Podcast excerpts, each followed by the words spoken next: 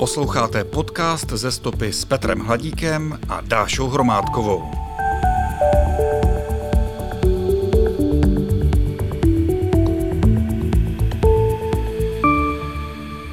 Startovala na dvou olympijských hrách. V Sarajevu v roce 1984 získala stříbrnou medaili ve štafetě na 4x5 km. Je akademickou mistriní světa, vítězila také v závodech světového poháru a v roce 1979 se stala nejúspěšnější československou lyžařkou. V podcastu ze stopy si budu povídat s nejúspěšnější novoměstskou lyžařkou Dášou Hromádkovou. Dobrý den. Dobrý den. Na úvod eh, taková osobní otázka, která bude mířit hodně, hodně hluboko do eh, vzpomínek lyžařských. Eh, vybavíte si svoji první jízdu na lyžích tady na Novoměstsku? No, první jízdu na lyžích mám spíš z vyprávění svých rodičů. Každoročně, jak se tady konají ty párkové závody, tak já jsem se vlastně ve svých dvou a půl letech zúčastnila těchto závodů a z vyprávění rodičů, kteří mi vyprávěli, že jsem dojela suverénně poslední, ale když se vyhlašovalo na stupně vítězů, tak samozřejmě jsem tak strašně plakala, že mi museli vystavit tehdy diplom za 17. místo. Do dneška ten diplom vlastně mám schovaný a to byla taková ta vzpomínka, kterou jsem měla, kterou mě vyprávěli rodiče, jak to tehdy bylo. Ale takovou tu první opravdu vzpomínku, tak si vzpomínám na to, jak jsme vlastně s mým tatínkem, eh, který byl vášnivý sportovec, lyžář, jak mě vlastně pravidelně každou neděli, protože tehdy se pracovalo v sobotu ještě, takže každou neděli mě brával v zimě na lyže, vždycky měl špagát, babička, mamka mě připravila svačinu, no a my jsme vyjížděli na Vlachovice, když jsem nemohla, tak mě kousíček táhl a tak by mě zbuzoval vlastně tu lásku k tomu lyžování k tomu sportu. Vy jste mi krásně nahrála na další otázku, protože mm, vy pocházíte z lyžařské rodiny, váš eh, otec Kvido Paleček byl také eh, dlouhá léta předsedou sportovního klubu a jestli se nepletu, tak za jeho působení eh, se tady v Novém městě na Moravě konaly vůbec první závody světového poháru. V Ochoze se rozšiřovaly tratě, zkrátka rostl ten areál do úplně jiné podoby. Byl to takový základ té dnešní Vysočina arény. Já se tedy zeptám, jak jste vůbec doma prožívali eh, nejenom ty sportovní úspěchy, ke kterým se dostaneme později, ale i ten přerod toho klubu, ty klubové úspěchy. No, eh, je to vlastně už téměř 53 let, kdy jsem vstupovala do sportovního klubu. Je to, když si to jen takhle jako vemu, půl století, je to hrozné číslo. Když jsem jako vstupovala jako mladší žákyně tehdy do tělovýchovné jednoty Nové město na Moravě do oddílu vlastně lyžování. No a tehdy můj tatínek, když jsem se já dostala vlastně na první mistrovství republiky tehdy, které se konalo v Harachově jako mladší žákyně, tak mi tam vlastně nepustil, protože říkal, já nevím, co to za ty lidi ve sportovním klubu je. Já jsem si to strašně oplakala hrozným způsobem, že mě nepustil, ale od následující sezóny potom už všechno fungovalo, mohla jsem jet na mistrovství republika a bylo to všechno prostě úplně v naprostém pořádku. A tak se vlastně i můj tatínek dostal jakoby k tomu lyžování do toho sportovního klubu. Takže ne on vás, ale vy jeho jste přivedla k lyžování. Dalo by si to tak říct, že vlastně v tom sportovním klubu to tak bylo, protože my jsme vlastně ty první závody objížděli jenom s taťkou, taťka mě i mazal a pamatuju si, že vlastně takový ten první závod, který se mě povedl, tak byl na třech studních, byla to tehdy, co jezdila Horácká župa a já jsem tam tehdy obsadila třetí místo jako mladší žákyně a vím, že strašně jsem na to byla pišná a do dneška tu cenu, takový dřevěný takový panáček mám schovanou, protože pro mě to tehdy bylo hrozný, hrozně veliký úspěch vlastně. Tak vy těch cen určitě doma budete mít spoustu a nevěděl jsem, že až takhle eh, z těch, z těch začátků, tak to budou určitě rarity. Eh, co vůbec eh, člověka určuje pro to, aby se stal úspěšným sportovcem? Určitě je tam nějaký talent, podpora rodiny, podpora klubu. Co by jste z, zmínila vy za nejdůležitější věci? Já budu mluvit sama za sebe. Pro mě to samozřejmě bylo to, že ty rodiče mě podporovali, že ten taťka mě vlastně učil té lásce k tomu sportu, k lyžování. No a pak asi to bylo to, že jsem chtěla jakoby něco dokázat. Musím se přiznat, že kolikrát, když jsem byla potom už i starší žákně, tak jsem si jako vždycky, když jsem třeba usínala, představila, že bych mohla se dostat na olympiádu, jaké by to bylo. Takové ty dětské sny, ale samozřejmě tehdy jsem tomu nějak nevěřila, jen jsem si to jako v duchu přála. No ale postupně času, postupem času vlastně tréninkem, tou pílí a samozřejmě podporou rodičů. To je jednoznačný a myslím si, že v dnešní době to vůbec funguje takže ty rodiče uh, jsou velkou silou vlastně pro ty žáky, musí, podpor, musí je prostě podporovat ty sportovce v těch začátcích samozřejmě. Jo. A to já jsem vlastně měla tu podporu, takže si myslím, že uh, neřekla bych ani talent, ale spíš takové ty pohybové schopnosti, to znamená ty děti, eh, které jsou nadané, ano, a potom k tomu přidají tu píly, takovou tu zarputilost a takovou tu snahu něco dokázat, takže můžou prostě tou cestou jít až těm nejvyšším metám. Vzpomenete si třeba na to období, kdy se to ve vás zlomilo, kdy se z toho snu budu úspěšnou závodnicí, budu startovat na olympiádě, už se stala taková ta realita, kdy už jste si byla jistá, už jste si říkala, tak teď eh, jsem dobrá, teď už vím, že se mi daří, že, že jdu do toho závodu eh, s tím, že snad nemůžu skončit úplně poslední, ale jdu tam opravdu s tím, že budu bojovat o to, o to první místo. Tak kdy se to eh, nějak láme, v kterém věku? No, u mě to bylo rozhodně v v době, kdy jsem byla jako dorostenka, protože měla jsem strašnou touhu dostat se do juniorského reprezentace. A pak jsem vyhrála dorostenecké mistrovství republiky a vlastně jsem se tam dostala. A to pro mě byl takový ten splněný, ce, splněný cíl. No a pak už přicházely takové ty další mety. Když už jsem v tom juniorském, mohla bych se dostat i dál, mohla bych třeba do reprezentace.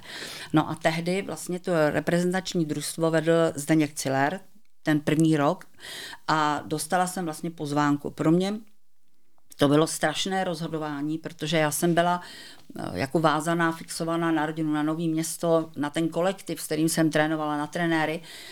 Takže to bylo velké rozhodování, že podmínka byla to, že přestoupím vlastně tehdy do Rudé hvězdy, že prostě budu muset opustit tady to rodné město a budu muset prostě tam odejít. A tak jsem hrozně váhala, ale ta touha potom reprezentovat nejenom jakoby nové město, ale vlastně i tu Českou republiku zvítězila. A tak jsem vlastně odešla potom do, té, do toho Jablonce nad Nisou, ale když jsem tam odcházela, tak jsem vlastně věděla, že se sem jednou stoprocentně zpátky na tu Vysočinu vrátím. Ta příprava, když jste tedy odešla z Nového města na Moravě, dá, dá se říct, že se něco výrazně změnilo, že třeba vás to ještě někam posunulo dál? Eh, změna toho klubu, nebo to bylo nějaká náhoda?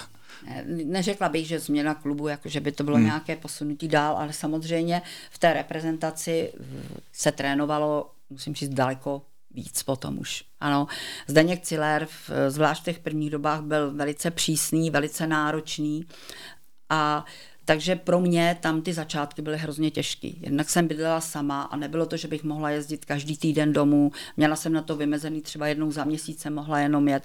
Takže bylo mě tam strašně smutno, ale Vlastně tam jsem si vytvořila eh, kamarádství s Gavou Soukalovou a od té doby vlastně, která mi tam tehdy strašně pomohla, protože viděla, jak se cítím taková osamocená, takže si mě vzala jakoby pod křídla tehdy a s ní jsme vlastně kamarádky do dneška, velké kamarádky a eh, ona mi tam hrozně pomohla, takže ten trénink a to všechno se mě zvládala daleko lépe. Mm-hmm. Ona ostatně byla i členkou té eh, stříbrné štafety na olympiádě v Sarajevu. Tak eh, jaké jsou vaše vzpomínky? Protože blíží se olympiáda, teď další, tak když si vzpomenete na ten rok 1984 Sarajevo. Pro mě ten rok byl hrozně dala by se říct významný, protože eh, v roce, vlastně se mi narodil, v roce 83 se mi narodil syn Václav v lednu a já jsem začala pomalu v červnu trénovat s tím, že bych se ráda dostala na olympiádu. Tehdy jsem požádala uvolnění z reprezentace a připravovala jsem se tady doma, vlastně sama v Novém městě na Moravě a dostala jsem jediný úkol, za Cíle řekl, buď vyhraješ nominační závody v říjnu, v, pardon, v prosinci na Jizerce, oba dva a Jedině tak je tvá cesta na olympiádu. No a mně se to tehdy podařilo, že jsem opravdu ty závody vyhrála a tím jsem si zajistila nominaci hmm. na olympiádu. Tak musela to být velká motivace, protože když jste byla zvyklá vlastně na ten tréninkový drill v té reprezentaci a teď najednou samopříprava. No, nemusím říct, že to byla samopříprava, protože klub tady v Novém městě, ačkoliv jsem ještě závodila za vlastně za Jablonec nad Nisou, tak mi udělal dobré podmínky. Trénovala jsem tady, byla, trénovala jsem vlastně se skupinou chlapců, což pro mě bylo velice dobré, protože samozřejmě ty byly daleko rychlejší, tak jsem se snažila, abych se jim vyrovnala. A vlastně musím říct tehdy, že to bylo, že to bylo hrozně náročné, protože sestra, která mi pomáhala teda s, vlastně s malým Vašíkem, eh, potom tam byly rodiče, maminka, no a vypadalo to tak, protože jsem samozřejmě byla máma a chtěla jsem také být blízko u svého syna, takže to fungovalo tak, že tatínek mě ráno v pět hodin v pondělí vozil na autobus, já jsem z Poličky jela do Špindlu, tam na mě čekali kluci se skútrem, vyvezli mě nahoru na výrovku, tam jsem do pátka trénovala a v pátek odpoledne jsem zase jela, zase tatínek pro mě přijel do Svitav, odvezl mě domů, víkend jsem trávila s rodinou, se synem a takhle to vlastně bylo téměř měsíc, celý vlastně listopad, půl prosince a pak už teda byly ty závody a ta odměna byla hrozně veliká, protože jsem si vybojovala tu účast na té olympiádě a samozřejmě to byl můj sen, i když jsem byla už na té první olympiádě, že v, už jsem byla v té Americe v Placid, ale tohle prostě byl můj sen, abych se tady dostala, protože e, musím říct, tak jsem tak jako tajně věřila, že bych se mohla dostat do té štafety, protože vlastně už jsme na olympiádě v té Americe byli čtvrté. Pak bylo mistrovství světa, e, také jsme vlastně, vždycky jsme kousíček té štafetě unikla ta medaile. A tak jsem pevně věřila, že bychom se že bych se mohla do té štafety dostat a že bychom mohli třeba nějakou tu medaili získat. Hmm.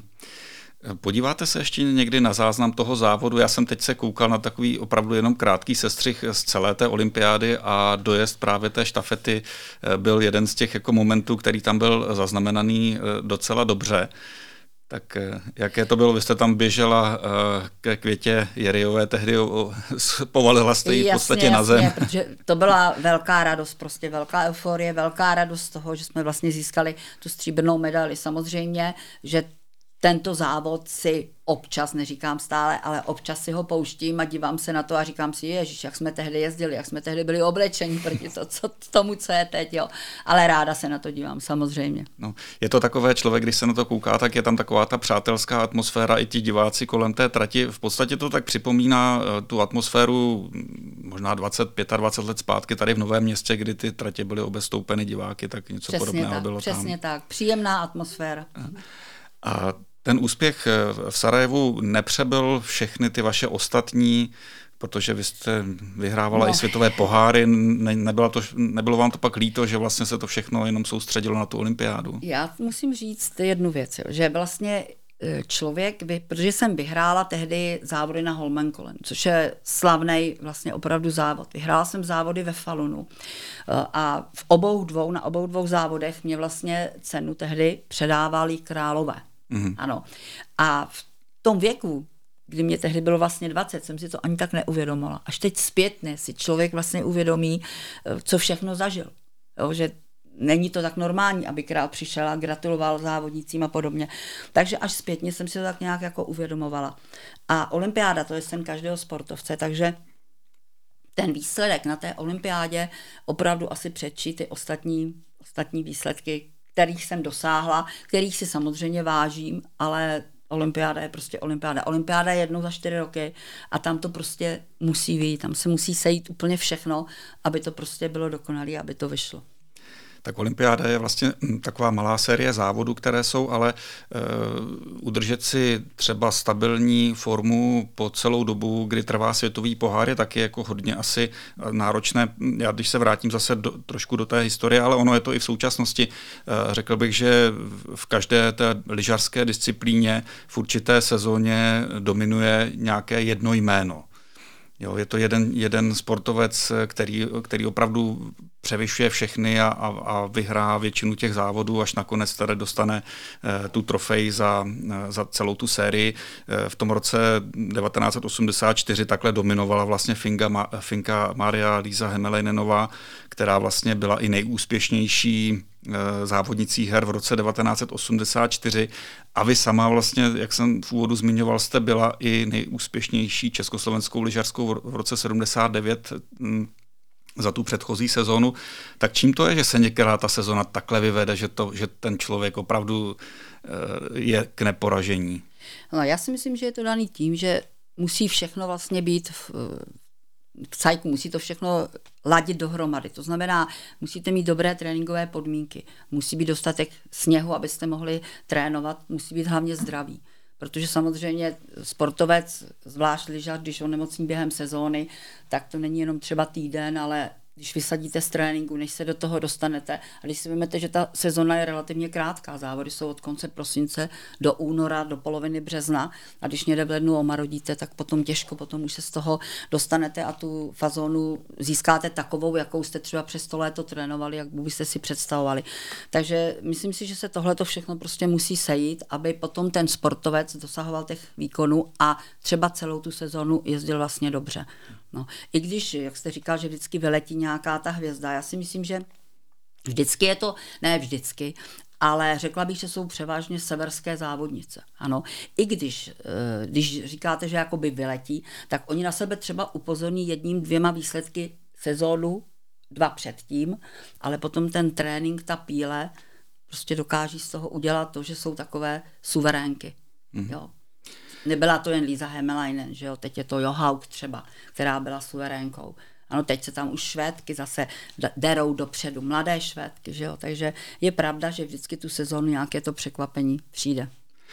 Když už tedy k tomu úspěchu napomáhá i to, že člověk třeba neonemocní, tak je nějaký zvláštní režim pro tu dobu, kdy se závodí, že člověk nějak, ten závodník se víc chrání, nechodí třeba moc mezi lidi, obzvlášť třeba v dnešní době, kdy eh, je to hodně tak složité. Samozřejmě v dnešní době je to asi daleko složitější, jak to bylo za nás. No, já si nepamatuji, že by my jsme měli nějaký takový režim, že když byly závody, to si vůbec nepamatuju, protože vraceli jsme se domů, byli jsme s rodinou, že jo, se sourozenci já jsem byla, takže nepamatuju si, že bychom nějak jako nechodili nikam a podobně. Já si myslím třeba, že veliký rozdíl oproti tomu, co my jsme měli je ve stravě. Protože my jsme před závody klidně měli párky, měli vajíčka, no dneska by si to žádný sportovec před startem nedal. Dneska mají všelijaké dietní sestry, kteří jim říkají, co můžou, co nemůžou a tak dále. A to tehdy vůbec vlastně nebylo. Hmm. Vy po skončení závodní kariéry jste působila také jako trenérka. Eh, když máte před sebou tu skupinu, ať už dětí nebo potom eh, starších závodníků, eh, poznáte mezi nimi, kdo je talentovaný, kdo by mohl jako dosáhnout těch dobrých výsledků? Já bych si asi netroufla říct úplně mezi těma dětma, že bych řekla, to je velikánský talent. Jo. Jsou ale děti, které mají úžasné pohybové schopnosti. Prostě nejenom, že třeba jim, když to vemu na tu skupinku, co jsem trénovala, nejenom, že by jim šel le, lyžování, ale oni byli dobrý i v gymnastice, jo, fotbal jim šel, jakýkoliv druh sportu, prostě jakmile to dítě má ty pohybové, to pohybové nadání, tak si myslím, že v tom mladším věku jim jde téměř všechno. Ale i v té skupině, kterou jsem trénovala samozřejmě, eh, když máte skupinu dětí a trénujete tak tam nemůžou být jenom všichni dobří. Musí tam být i ti, kteří třeba tvrdě trénují, ale víte, že těch výsledků nedosáhnou. Ale jsou strašně důležití v té skupině, protože je to parta, drží pohromadě a samozřejmě ty dobří by nebyli dobří, kdyby tam nebyli ti, kteří jsou třeba za nima. Mm-hmm. Ano, takže to je taková ta symbioza, takové to propojení, které tam v té skupině vždycky musí fungovat. Takže svým způsobem i trenér musí motivovat jednak ty dobré závodníky, tak i ty, které je tam drží. Samozřejmě. Aby, aby vydrželi. Sam. Ano, protože kdybyste trénovali jen ty dobrý, tak jako ten dobrý by měl najednou pocit, že není dobrý. Že jo? Mm, jo? Takže mm. potřebujete opravdu všechny ty děti. Já si myslím, že nám se to teda dařilo, že to, co jsem trénovala tady v Novém městě, to byla perfektní skupina, byli tam perfektní i rodiče, takže já na to období vlastně strašně ráda vzpomínám. Mm. Jak se to míchá v trénování těch dětí, vliv rodičů, vliv trenérů? Eh, nakonec to rozhodující slovo tam musí mít asi trenér, ale asi to je i tohle je další skupina, kterou ten trenér musí nějak držet na úzdě. Trošku. Jasně, jasně. Já si myslím, že teď je to jakoby čím dál jakoby horší, jo? že i ty rodiče daleko víc zasahují eh, do trénování nebo do toho, co jak by se mělo dělat a podobně. Já, když jsem trénovala, tak jsem tenhle ten problém opravdu neměla, protože všechny děti, které tam byly, tak ty rodiče byli úžasní, jezdili s námi na závody, byli jsme prostě fakt skvělá parta, takže já jsem nemusela řešit žádný problémy, že by někdo řekl, tohle děláte tak a tohle tak ne. S tím jsem se já teda jakoby nesetkala. No. Mm. Pojďme teď eh, k té vaší aktuální kariéře ve sportovním klubu, kde působíte. Říkala jste, že jste do něj stoupila před 53 lety, dnes tedy jako první místo předsedkyně sportovního klubu. A ten novoměstský sportovní klub eh, už je nějakých pár let eh, spojovaný hlavně také s biatlonem. Eh, jak moc se eh, sportovní klub s tímto novým sportem, sportovním odvětvím v Novém městě na Moravě zžil? No já si myslím, že sportovní klub neměl vůbec problém se zžít s tímto novým sportem. Bylo to jednak oživení. A když se podíváme zpětně, tak vlastně, já když to vezmu, tak eh, díky vlastně tomu biatlonu, protože začal se stavět tady areál, prvně to byly jenom evropské poháry, i bukapy, pak to byl světový pohár a pak vlastně v roce 2013 to bylo mistrovství světa v biatlonu. Eh, ta atmosféra byla nepopsatelná. Bylo to něco, co si myslím, co Nové město opravdu nezažilo. A díky vlastně tomu biatlonu máme tady takový areál, jaký máme a budeme se všichni těšit na rok 2024, kdy tady bude druhé mistrovství světa a ten areál dospěje zase k určitým změnám a musím říct, že nám opravdu ten areál závidí celý svět. Když si vezmete, že které město se může pochlubit tím, že tady máme mistrovství světa v biatlonu, že tady jsou světové poháry v běhu, v biatlonu, že tady je světový pohár horských kol, myslím si, že široko daleko takové město není. Hmm. Jak moc je náročné zvládnout eh, řešit tady ty provozní věci, to znamená, aby eh, areál byl udržovaný, aby se případně rozšiřoval, aby tady byly ty závody, aby se sem eh, světové poháry vracely, ať už v klasickém lyžování nebo v biatlonu, tak to jsou takové ty provozní věci a jak, jak moc musíte věnovat čas i těm sportovním výsledkům, protože i to je, i, i podle toho se určitě na ten klub nahlíží. No, co se týče rozhodování, tak vždycky je výbor sportovního klubu, který o podstatných věcech jakoby rozhoduje.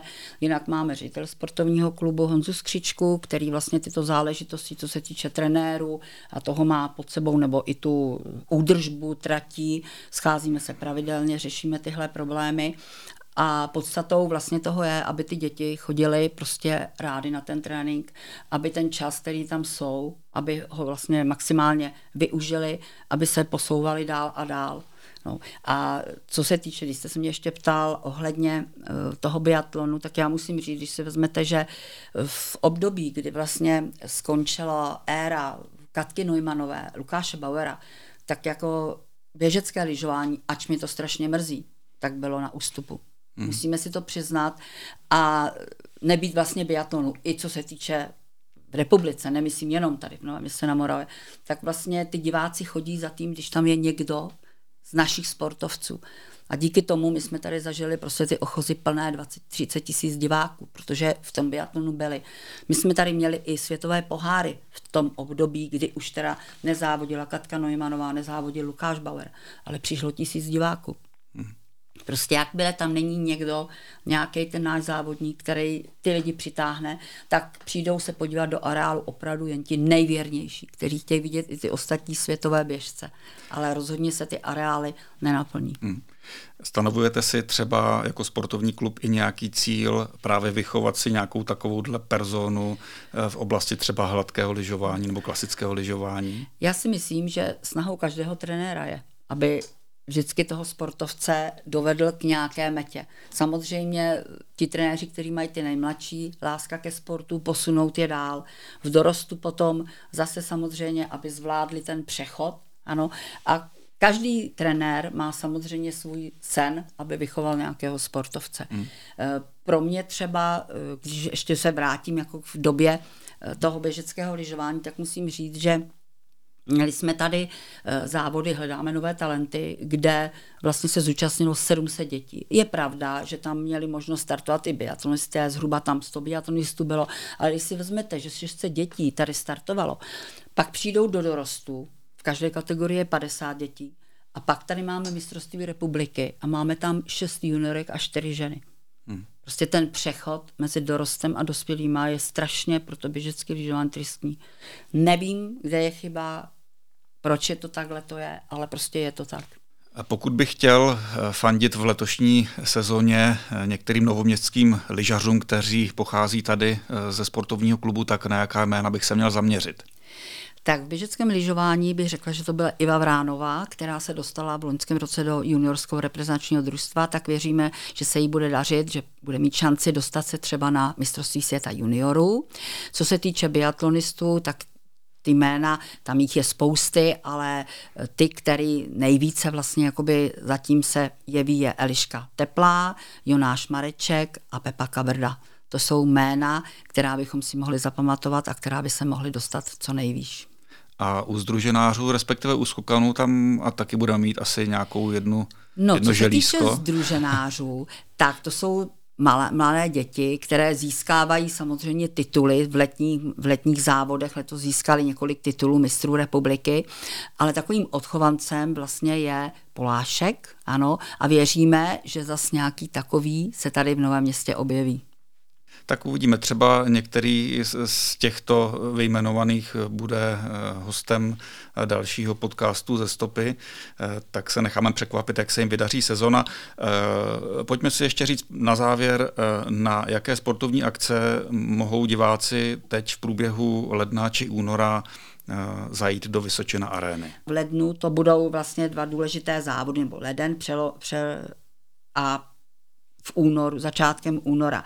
Bude to Opak Cup a přitom je to evropský pohár, je to vlastně první světový pohár a pak je ten Opak, Opak Cup, takže ten bude tady u nás a přitom právě budou to závod zlaté lyže. Takže přitom se uskuteční ta zlatá lyže a to je od 6. do 9. ledna.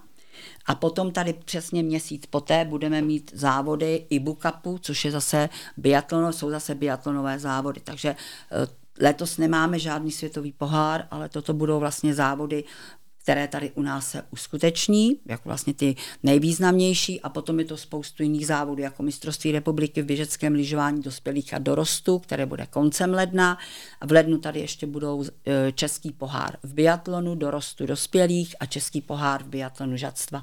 Takže těch závodů, na které můžeme pozvat do Vysočina arény je opravdu spousty.